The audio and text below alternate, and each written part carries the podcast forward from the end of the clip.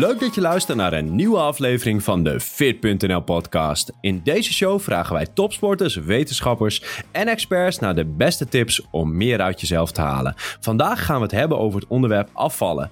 En in hoeverre is bruin vet belangrijk voor afvallen en je gezondheid? Dit vragen we aan Patrick Rensen. Hij is hoogleraar endocrinologie aan het Leids Universitair Medisch Centrum en hij weet alles over bruin vet. Erik en ik hebben net het gesprek gehad en we hebben er superveel aan gehad. Hele waardevolle informatie. Erik, welke vragen hebben we allemaal gesteld aan Patrick? Ja, we, we, gingen het onder andere hebben over wat is bruin vet en hoe kan je natuurlijk stimuleren. Daarnaast gaan we het hebben over wat de relatie is tussen bruin vet en hart- en vaatziektes en tussen bruin vet en onze darmflora. Maar voordat we de aflevering starten, allereerst even twee vragen aan jou. Wil je de show steunen en wil je dat we nog meer van deze afleveringen maken? Dan kun je twee dingen doen. Allereerst, Erik, wat vinden we tof? Ja, ja het zou heel mooi zijn als jullie deze podcast delen. Bijvoorbeeld uh, via Instagram of via WhatsApp of via Facebook. Zodat we nog meer mensen kunnen helpen. Ja, tof. Dan kunnen wij nog meer mensen met deze tips en kunnen we nog makkelijker meer afleveringen maken. Dus uh, deel de show via social media. En het tweede is, uh, wil je de show steunen? Uh, koop dan je boeken, trainingsartikelen, supplementen via onze shop op shop.fit.nl. En daar vind je ook ons boek, de Fit Methode. Hierin gaan we in op wat gezond eten is en hoe je moet afvallen. Dus bekijk het eens. Het boek De Fit Methode vind je op Maar goed, genoeg reclame. Laten we gelijk starten met deze interessante aflevering.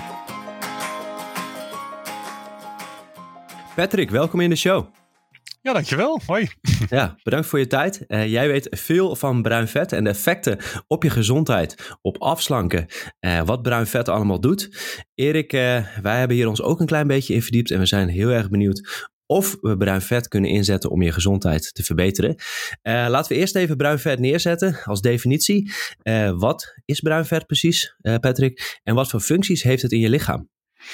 Ja, bij bruin vet denken heel veel mensen natuurlijk aan chocola en kroketten. En dat is ook absoluut bruin vet. Maar we hebben ook bruin vet als weefsel in, in ons lichaam. En eigenlijk worden, worden kleine kinderen, baby's, worden daarmee geboren. Uh, omdat elke baby die, die, die heeft een soort bruin vet weefsel tussen de schouderbladen. En uh, ja, het, het is ook, het is, als je het daar kijkt, dan is het ook echt bruin. Omdat het heel veel van energiefabriekjes heeft, mitochondriën. En die hebben een bruine kleur. En um, ja, de functie van dat bruine vet is het maken van warmte. Dus we hebben eigenlijk twee soorten uh, vetdepots um, in het algemeen. Dat, dat, is wit vet. Dat kennen we allemaal rond de, rond de heupen hè, en de buik. En we hebben dat bruine vet. Uh, en uh, ja, wit vet zorgt voor opslag van vet. En bruin vet zorgt voor verbranding van vet. En dan ja. tot warmte. En, en waar zit dat bruine vet bij volwassenen? Uh, nou, het gekke is dat bij, bij, bij kinderen uh, verdwijnt dat bruine vet tussen de schouderbladen grotendeels. En we dachten eigenlijk ook dat we dat, we dat niet meer zouden hebben als volwassenen. Maar pas in uh, eind 2009 kwamen we erachter dat volwassenen ook bruin vet hebben. En dat met name boven de sleutelbeenderen, maar ook langs ja, de, grote, de grote ader van het lichaam, de, de, de aorta. En een beetje rondom de nieren. Ja, en, en dus de, de, plaats weten we nu, maar het heeft natuurlijk ook een effect. Het, verbrandt energie. Uh, maar je doet hier veel onderzoek naar. Het heeft nog wel meer effecten, positieve effecten op je gezondheid. Uh, kun je ons een beetje meenemen wat bruin vet precies doet? Ja, dat kan ik. Uh, het is inderdaad, uh, het produceert dus warmte. En het leuke ervan is dat het uh, warmte genereert vanuit suiker en vetten. dus eigenlijk kan het suiker en vetten soort van oplossen in niets, hè, in warmte die we gewoon weer aan de lucht afgeven. En het mooie ervan is dat we daardoor, als we bruin vet maar lang genoeg activeren, dat we daar in feite lichaamsvet mee kunnen verliezen. En uh, ja, lichaamsvet verliezen heeft natuurlijk allerlei gunstige voordelen. Uh, zoals ja, als je minder levervet hebt, uh, minder vet in spieren, dan worden die organen meer insulinegevoelig. ja, je ziet er wat beter uit in het algemeen. En je hebt minder kans op diabetes en hart- en vaatziekten. Hmm. Nou, dat klinkt heel positief. Uh, als je kijkt naar uh, kinderen, je, of baby's hebben dan uh, bij hun schouderbladen, daartussen zeg maar bruin vet. Ja. en in hoeverre is er een verschil tussen volwassenen in, in die opslag in, in het lichaam? Is het er individuele verschillen en heeft dat ook effecten dan op je gezondheidstoestand? Je bedoelt de verschillen in hoeveelheid bruin vet? Ja, ja. Ja, dat, dat, dat is inderdaad uh, een hele goede vraag. En het uh, probleem een beetje met het hele bruin vet onderzoek nog, is dat um, er een hele dure techniek bestaat om dat bruine vet aan te tonen. Dat noemen we een, uh, ja, een PET-CT-scan, waarbij we een radioactief gelabeld suikermolecuul inspuiten. En dat wordt eigenlijk vooral toegepast um, om te kijken of mensen uh, kwaadaardige tumoren hebben. Want als je dan suiker, radioactief gelabeld suiker geeft, dan zie je mooie zwarte vlekken op een PET-scan uh, die aangeven dat daar een tumor zit of een, uh, of een metastase, een, een uitzaaiing. Um, en, en, en, en die techniek is, is, is, daarvan is aangetoond dat we de, daarmee kun je aantonen of we inderdaad bruin vet hebben. En um, ja, daarin kijken we eigenlijk alleen maar naar de suikeropname hè, van, dat, van dat bruine vet. Terwijl we, tegelijkertijd weten dat dat bruin vet met name vetten verbrandt. Maar er bestaat nog geen techniek waarin we non-invasief uh, kunnen kijken hoeveel vet dat bruine vet opneemt in de mens. Dus we moeten het nog steeds hebben van zo'n suiker PET-CT-scan. Nou, als je dat, uh, dat, dat nou ja, goed al beseft, dan, dan kun je wel kijken hoeveel suiker uh, wordt er opgenomen in dat bruine vet. En hoe is dat gelinkt, zeg maar, bijvoorbeeld aan, ja, aan hoe gezond iemand is. En um, ja, heel recent is er een hele mooie studie verschenen in Nature Medicine. Dat is een van onze top uh, tijdschriften. Mm-hmm. Waarin in meer dan 50.000 personen, daarvan is een PET-scan genomen. Al die mensen die hadden een, uh, ja, een vermoeden van een, uh, van een tumor. En als je dan kijkt naar al die PET-scans en die mensen onderverdeeld in PET-scans waarbij bruin vet wel te zien was en niet te zien was. Dan bleek dat in mensen waarin bruin vet goed te zien was, um, dat die mensen ook betere suikerwaarden hebben in het bloed en betere vetwaarden in het bloed. En die hadden ook minder vaak diabetes en hart-. Dus ik denk niet zozeer dat het uitmaakt waar dat bruine vet zit, maar of dat bruine vet wat je dan hebt inderdaad ook actief is.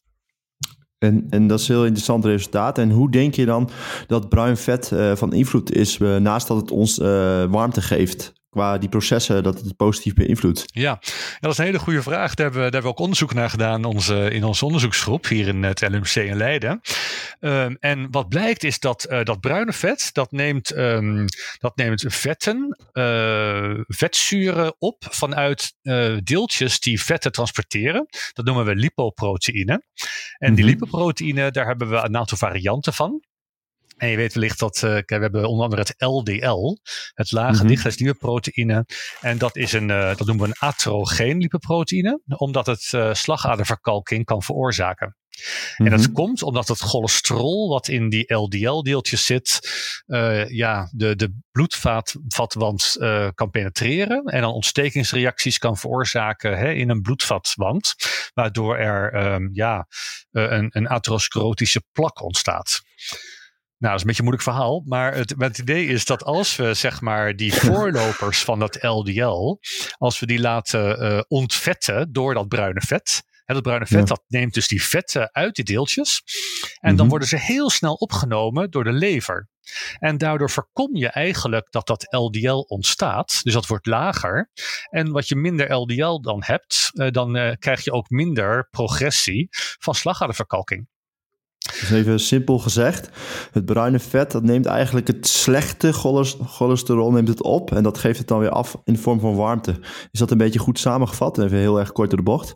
Ja, dat is heel kort door de bocht. Het neemt in ieder geval uh, de, de, ja, de triglyceriden, dus de, de, de, de vetzuren op vanuit die uh, slechte cholesteroldeeltjes. Mm -hmm, maar die worden ja. uiteindelijk opgenomen door de lever.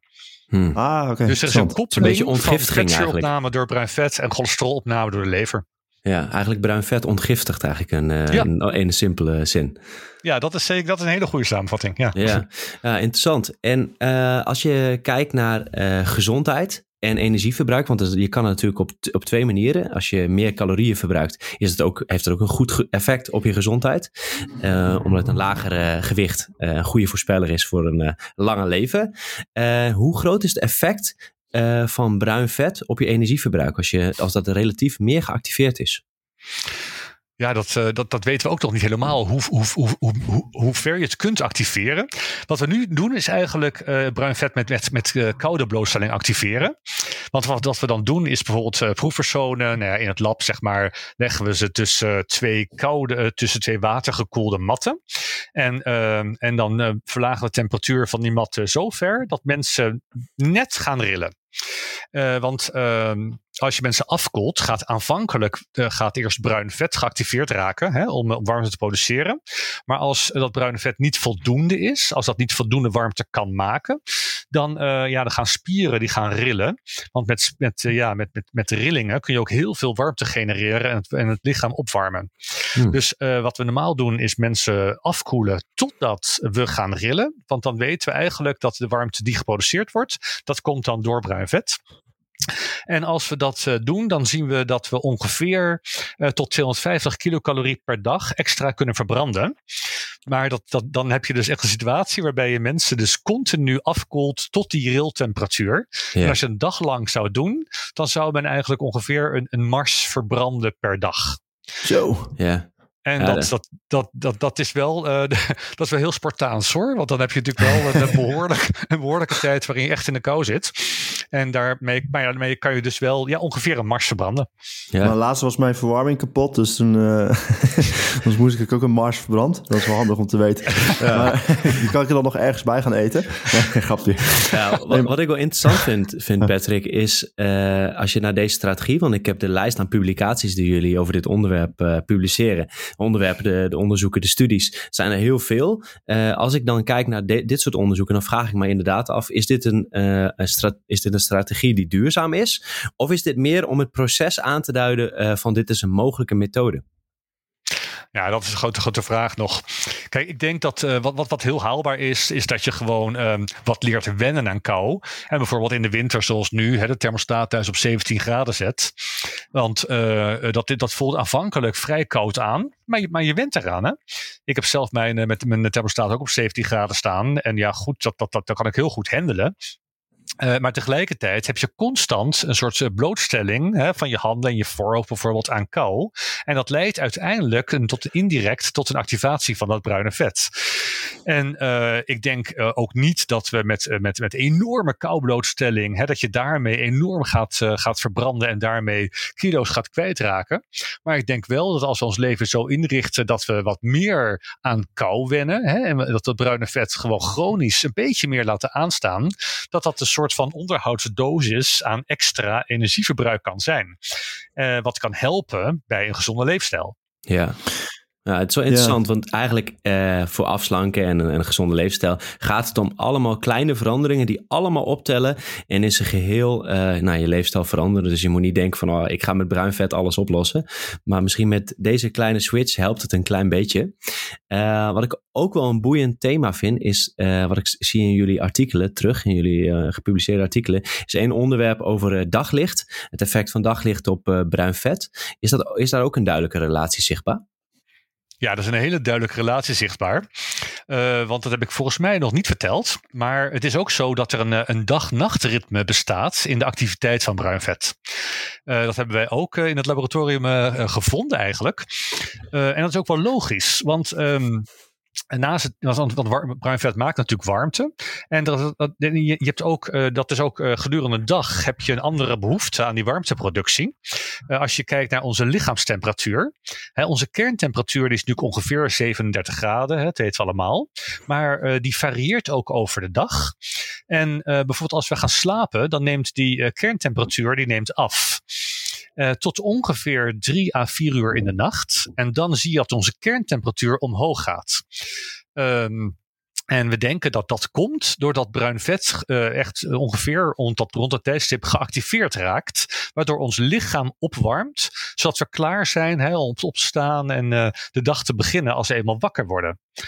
En dat blijkt alles te maken hebben met het ritme in, uh, in een stresshormoon dat we cortisol noemen. Dat is een hormoon dat uh, door de bijnier wordt gemaakt. En dat, daarvan is ook een, uh, dat, dat, dat geeft ook een heel mooi dag-nachtritme. Het wordt ook, nou ja, goed, s ochtends heel vroeg aangemaakt. We hebben nu ontdekt dat dat ritme in dat cortisol, dat bepaalt het ritme in dat bruine vet. Dus als we ja, dat, dat, dat ritme, als dat niet zou zijn in cortisol, dan hebben we ook geen ritme meer in dat bruine vet. Hmm. Dus in feite bepaalt gewoon de dagelijkse blootstelling aan licht bepaalt een, een dag-nachtritme. Uh, dat via cortisol bruin vet ochtends actief maakt. Eigenlijk om het lichaam net wat meer op te warmen, zodat we klaar zijn voor de dag. Hmm, er lijkt wel een interessante correlatie tussen te bestaan. Uh, als je hier echt praktische tips uit zou moeten distilleren, uh, wat zou dan praktische handvaten zijn om, om dat, dat ritme zo goed mogelijk te stimuleren? Ja, dat proberen we uh, nou, ik zou zelf adviseren om, om, om, om uh, zoveel mogelijk uh, ja, je leven aan te passen aan zo'n dag-nacht ritme. Kijk, tegenwoordig kijken we steeds meer s'avonds naar de iPad. We kijken steeds meer s'avonds laat naar de, naar de tv. We zitten nog met onze telefoon in bed.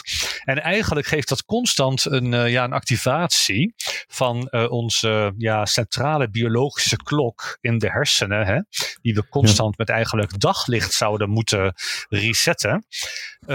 dus ja, ik zou, ja, ik zou ehm, uh, als tip geven dat je nou, na een uur of tien eigenlijk de tv niet meer aanzet, ook niet meer, niet meer je telefoon aanzet en uh, ook niet meer je beeldscherm kijkt, ook niet van je iPad. Uh, en jij je ochtends laat wakker maken, ja, liefst door daglicht.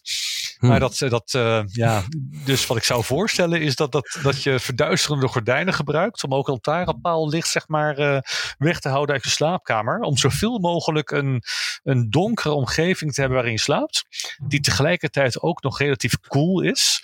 En ja, als je dat doet en overdag ja, je aan licht blootstelt, dan heb je een goede ja, biologische ritme en daarmee ook een goed ritme van je bruine vet. Ja. En, en een vraag die hierop aansluit. Hè? Mensen die bijvoorbeeld een, uh, verstoord uh, dag- en nachtritme hebben, bijvoorbeeld doordat ze ook vaak s'nachts werken, hebben jullie daar ook iets van gezien? Dat ze bijvoorbeeld ook een, een verstoring hebben van het bruin vet? Nou, dat hebben we eigenlijk alleen nog maar in, uh, in preklinische modellen uitgezocht. En we hebben mhm. bijvoorbeeld een, studie uh, gedaan met, met, met, met muizen, die we voortdurend aan licht hebben blootgesteld. En als je dat doet, dan zie je dat die muizen eigenlijk niet meer eten, maar ze verbranden minder energie. En we konden zien dat dat veroorzaakt werd doordat dat bruine vet veel minder aanstaat.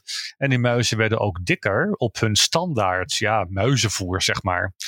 Dus dat geeft wel aan dat verstoring van het lichtregime, hè, zoals je ook bij mensen ja, die in shitwork werken zou kunnen aantreffen, dat dat een effect heeft op je energieverbruik, uh, gedeeltelijk veroorzaakt door bruin vet.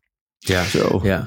dus een, ja, we hebben ook in een andere studie, hebben we net gepubliceerd, lieten we ook zien dat je ook meer slagaderverkalking krijgt. Uh, tenminste als muis. Als je, als je voortdurend uh, blootgesteld wordt aan licht.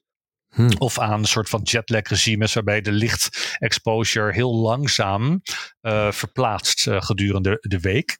Dat leidt ook al tot een verstoring van het dag-nachtritme en daardoor meer slagaderverkalking. Jeetje, allemaal interessante relaties, wat uh, het toekomstig onderzoek nog verder kan uitzoeken. Uh, een van een interessante studie die ik ook zag, was dat er gekeken werd het verschil tussen Europeanen en mensen afkomstig uit Zuid-Azië. En dat mensen uit, afkomstig uit Zuid-Azië over het algemeen vaker hart- en vaatziekten hebben. En is zou dat kunnen komen als ik dat artikel zo uh, doorlees? Uh, omdat wij in uh, Europa ook vaker koude te temperaturen hebben ten opzichte van die locaties, dat dat een mogelijke reden voor het verschil in hart- en vaatziekten kan zijn?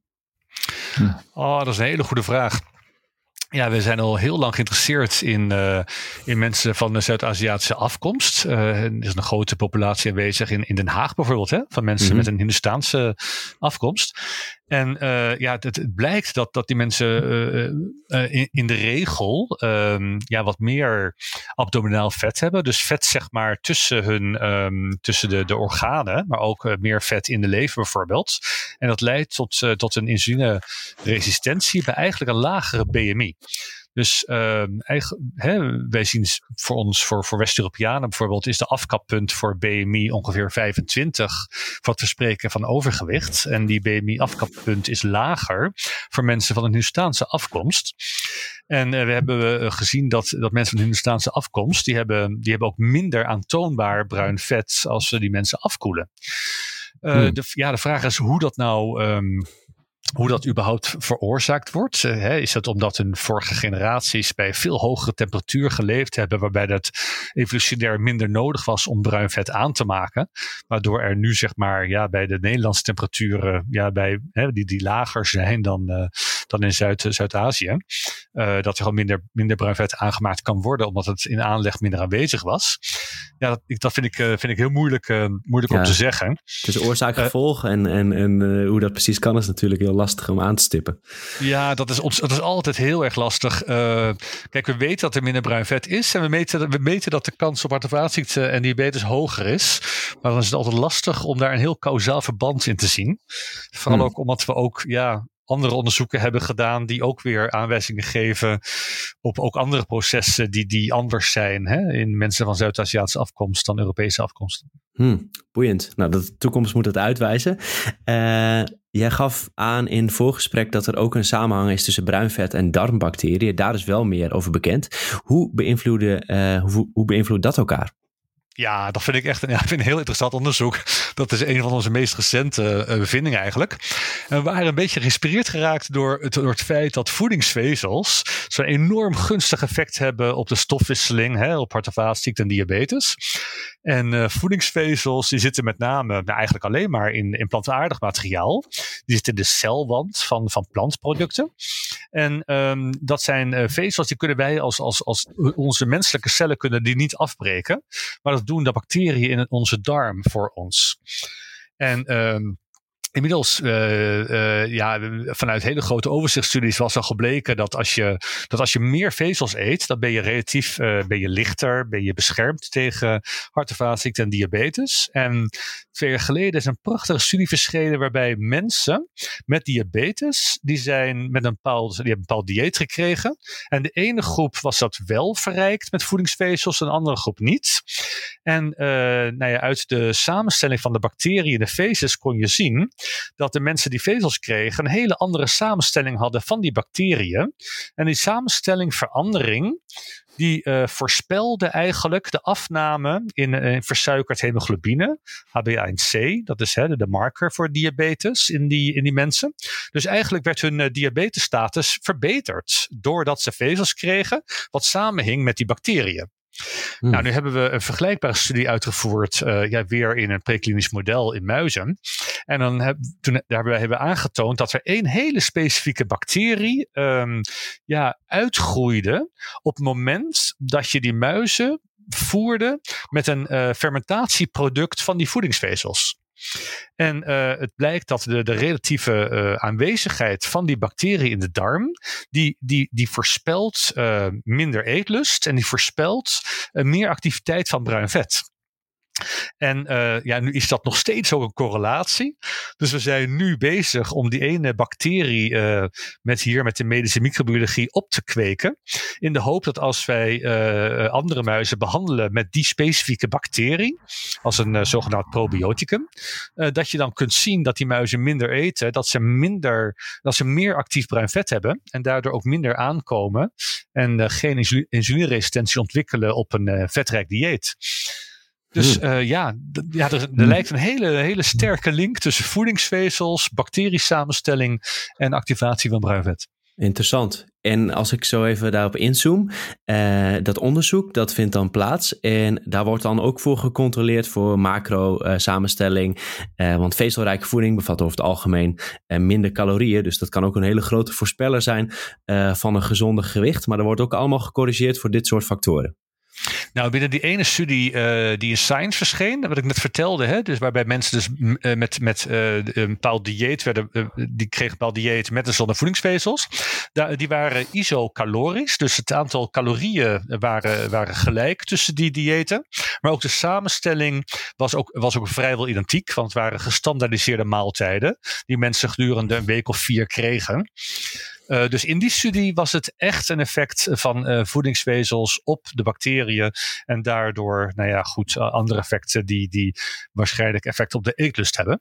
Hmm, maar dat kun je natuurlijk uh, ja, in, in, in overzichtsartikelen, in meta-analyses bijvoorbeeld, kun je dat weer heel moeilijk terugvinden.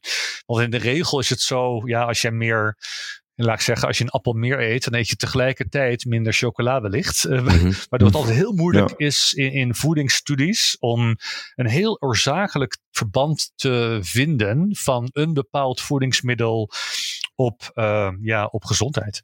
Hmm. Ja, het, klinkt wel uh, veelbelovend. Duidelijke relaties. Ze zijn in ieder geval, geeft wel iets meer een beeld ervan. Dus, dus, je moet een tijdje in de kou gaan zitten met een broccoli. Dat is een beetje de tip die eruit komt. er zitten veel vezels in. Uh, dit zeg maar geeft een eerste idee dat je, je darmbacteriën wat anders kunnen worden. Dus. zijn, er ook, zijn er ook ontwikkelingen qua medicijnen waarmee je je bruin vet kan stimuleren? Want mensen zijn natuurlijk niet alleen maar op zoek naar voedingstips. Maar net zoals in de, we nemen nu deze podcast op tijdens COVID Mensen gooien heel erg de gok op, uh, op de inentingen. Uh, en nu uh, met bruin vet zijn we misschien ook op zoek naar een soort van medicijn. zijn daar al meer inzichten over? Ja, daar zijn wij, nou, wij niet, ja, binnen ons lab, maar ook wereldwijd zijn er veel groepen bezig met geneesmiddelen te, te, proberen te ontdekken om dat bruine vet te activeren. En we hebben eigenlijk ja, heel toevallig afgelopen jaar pas ontdekt welke, welk eiwit betrokken is bij de activatie van het bruine vet. Want je moet je voorstellen dat uh, als je aan een koude blootstelt, hè, als je, nou, dat zie je steeds vaker gebeuren, dat mensen s ochtends uh, de zee induiken om aan koud te blootgesteld. Dat schijnt enerzijds een goed effect te hebben op het immuunsysteem en anderzijds kan het bruin vet ook activeren. En dat gebeurt eigenlijk omdat er bepaalde, dat noemen we receptoren op de huid, die worden geactiveerd. En dan leidt, dat leidt tot een zenuwsignaal naar het temperatuurcentrum in de, in de, in de hersenen. Mm -hmm. En die zetten dat weer om in een zenuwsignaal richting dat bruine vet, waarbij er in dat bruine vet wordt, wordt, um, wordt noradrenaline als een signaalstof uitgestoten. En dat activeert weer een bepaald eiwit op die cellen. En we weten eigenlijk pas sinds kort welke, welke receptor dat is. Dat is de, ja, dat is met een moeilijk woord, de beta-2 adrenerge receptor. En we zijn nu bezig om uh, met, een, uh, met een klinische studie te kijken, als we die, die receptor heel specifiek activeren, uh, in hoeverre wordt bruin vet dan geactiveerd en kunnen we dan ja, het energieverbruik verhogen. Maar daarnaast uh, is het ook zo dat, dat, dat uh, bijvoorbeeld als we eten, dan krijgen we hè, na, na het eten krijgen we ook een opwarming van het lichaam door wat we noemen dieet geïnduceerde thermogenese. En daarbij is bruin vet ook uh, betrokken, doordat de, de darm ook signaalstoffen aanmaakt. De ene daarvan is uh, secretine. Dat is een, uh, een, ook een signaalstof, een hormoon, wat uh, vanuit de darm een signaal geeft naar, de, naar het bruine vet om, om te activeren. Waardoor een deel van de, ja, van de, de calorieën die in het dieet worden opgenomen ook weer via, via warmte vrijkomen. En ander signaalstof is, dat noemen we GLP-1.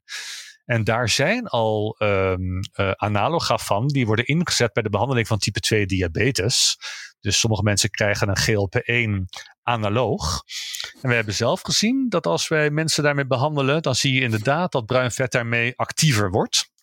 Hmm. En dat gaat samen met een iets hogere vetzuurverbranding, hè, versus, uh, versus suikerverbranding. Dus er zijn nu al aangrijpingspunten, zeg maar. Maar ik, ik denk zeker dat we op een gegeven moment wel met, gene met geneesmiddelen een relatief groter effect kunnen bereiken. dan dat we bijvoorbeeld met uh, blootstelling aan kou kunnen bereiken. Ja, ja, Oké, nou dat, dat geeft hoop.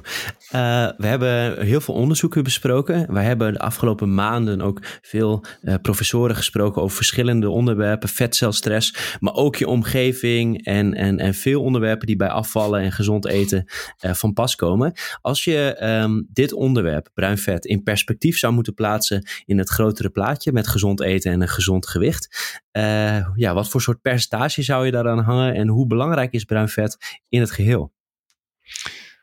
Ja, dat vind, ik nog steeds heel moeilijk te zeggen. Maar dat blijkt ook wel uit dat interview, denk ik. Uh, omdat we eigenlijk nog niet uh, een hele goede methode hebben om, om bruin vetactiviteit in de mens aan te tonen. We zijn nog steeds afhankelijk van een suboptimale ja, suiker PET-CT-scan. Dus we zijn nu aan het werken uh, aan een, een vet PET-CT-scan. Want dat zal ons veel meer informatie geven over de relatieve werking van bruin vet onder verschillende omstandigheden. Maar zoals ik er nu over denk, denk ik dat je heel veel um, ja, winst kan behalen met het, het ja, positief aanpassen van je dieet. Ik denk dat er nog steeds veel te veel mensen eten, ehm, nog steeds niet via gezonde richtlijnen. En ik zou zeker uh, vezels daarin weer mee meenemen. Dus vezelrijk eten, zoals groente, fruit, tarweproducten, pilvruchten en noten. Uh, die lijken toch essentieel om, het, ja, om je darmbacteriën tevreden te houden. En daarmee onder andere je bruin vet te activeren. Uh, je kunt ook nooit loszien. Hè? Je kunt niet bruin vet loszien van, van, je, van, mm -hmm. van je omgevingstemperatuur. Je kunt niet loszien van je voedingspatroon. En het lijkt er ook op dat, dat, dat beweging, uh, hè, door, door, door, door sporten bijvoorbeeld, dat het ook weer een effect kan hebben op je bruin vetactiviteit. Dus um, maar stel je voor dat je de boel los wil zien, dan denk ik dat je het meeste benefit haalt uit, uh, uit beter eten. Daarna zou ik zeggen uh, meer bewegen. Ja. En uh, nou, ik denk dat de bruin vet op een goede derde plaats komt. zeker als we de thermostaat wat, wat lager zetten dan we, dan we normaliter doen. Hmm. Ja, dat geeft een, een beter goed plaatje daarvan en welke, hoe we het in de context kunnen plaatsen. Um, Jij uh, gaat de komende jaren hier waarschijnlijk nog veel meer onderzoek over doen. Uh, als je nu een beetje mag voorspellen, uh, waar ga je je op richten? Wat wordt interessante invalshoek? Um, nou, we gaan zeker door met ons darmbacteriewerk. Dat staat nog in de kinderschoenen. We hebben hele mooie aanwijzingen. We weten welke bacterie verantwoordelijk lijkt. En daar, dat, dat hopen we in de komende twee jaar verder te brengen tot een causaliteit. Hè? Dat we zeker weten dat die bacterie ehm, bruinvet activeert en ook de, de voedselname remt. En we hopen dan ook te weten hoe die bacterie dat doet. Hè? Komt dat doordat hij bepaalde stoffen uitscheidt, hè, die weer aangrijpen op bepaalde darmcellen, die dan weer uh, ja, de, de, de zenuwbaan van de darm naar de hersenen beïnvloedt en dan ook weer indirect naar bruin vet. Dus ik hoop daar verder mee te komen. Nou, we hopen dit uh, komend jaar een, een, een, publicatie samen met samenwerkingspartners uit, uh, uit uh, Kopenhagen te publiceren in Cell, waarbij we een compleet nieuwe, nieuw eiwit beschrijven dat bruin vet kan activeren. En ja, met, met, ja, met, met um, allerlei technieken hopen we dan ook aan te tonen dat als je dat activeert, dat je daarmee ook relatief beschermd bent tegen type 2 diabetes en hart- en vaatziekten. En hm. um, ja, ik denk dat dat wel twee, twee onderwerpen zijn waar we, waar we zeker aan doorwerken. Ja, naast uh, naast uh, zien uiteindelijk ook of in, uh, in, in, of als we bruin vet activeren met die geneesmiddelen bovenop de standaard geneesmiddelen waarmee we type 2 diabetes en hart- en vaatziekten verlagen. Zoals bijvoorbeeld statines hè, in mensen met verhoogd cholesterol. Of dat ook meer waarde heeft. En dan denk ik ook niet dat dat voor de hele populatie, voor de hele bevolking een goed idee kan zijn. Maar juist de mensen die, uh, ja, die wat, uh, wat, wat meer lichaamsvet hebben dan, uh, dan anderen. Mm -hmm. En wat wellicht ook door mm -hmm. genetische oorzaken komt. Ik denk dat in heel veel mensen kunnen we gewoon beter, hè, beter oppassen wat we eten, wanneer we eten. Er zijn zeker ook mensen die vanuit ja, het krijgen van de nou, verkeerde genen, zou ik maar zeggen, uh, veel meer aanleg hebben om, uh, om, uh, om dik te zijn en minder energieverbruik te hebben. Ja, super, super relevante onderwerpen. Hey, we sluiten de podcast altijd af met, met één tip. Dat mag ook een boek zijn of een levensles. Wat zou jouw tip zijn aan de luisteraar? Een tip voor een levensles of een boek. Nou, een van mijn uh, postdocs heeft een, heeft een boek geschreven. Uh, mm-hmm. Dat is mhm. vorig jaar uitgekomen. Dat heet Vet Belangrijk. En ik moet zeggen dat dat een, dat een boek wat op een hele toegankelijke manier antwoorden geeft op, op vragen. Maar ook, ook fabels ontkracht die er bestaan rondom vet. Dus hm. ja, wellicht kan ik dat boek wel aanbevelen. Vet Belangrijk van Mariette Boon. Ja. ja, goed boek. Die heb ik ook gelezen inderdaad. Oh ja, oké. Okay. Ja.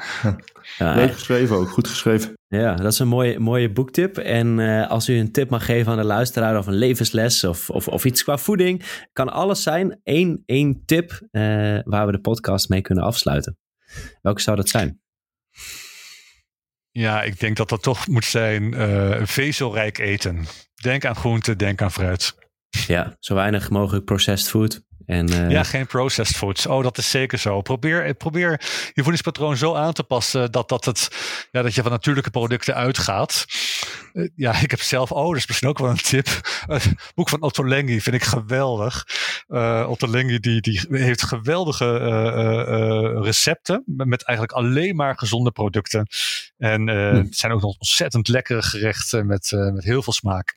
En hoe heet dat boek? Uh, ik gebruik zelf meestal simpel. Yeah. Omdat het ook, uh, ja, dat, dat zijn relatief simpele, simpele, yeah.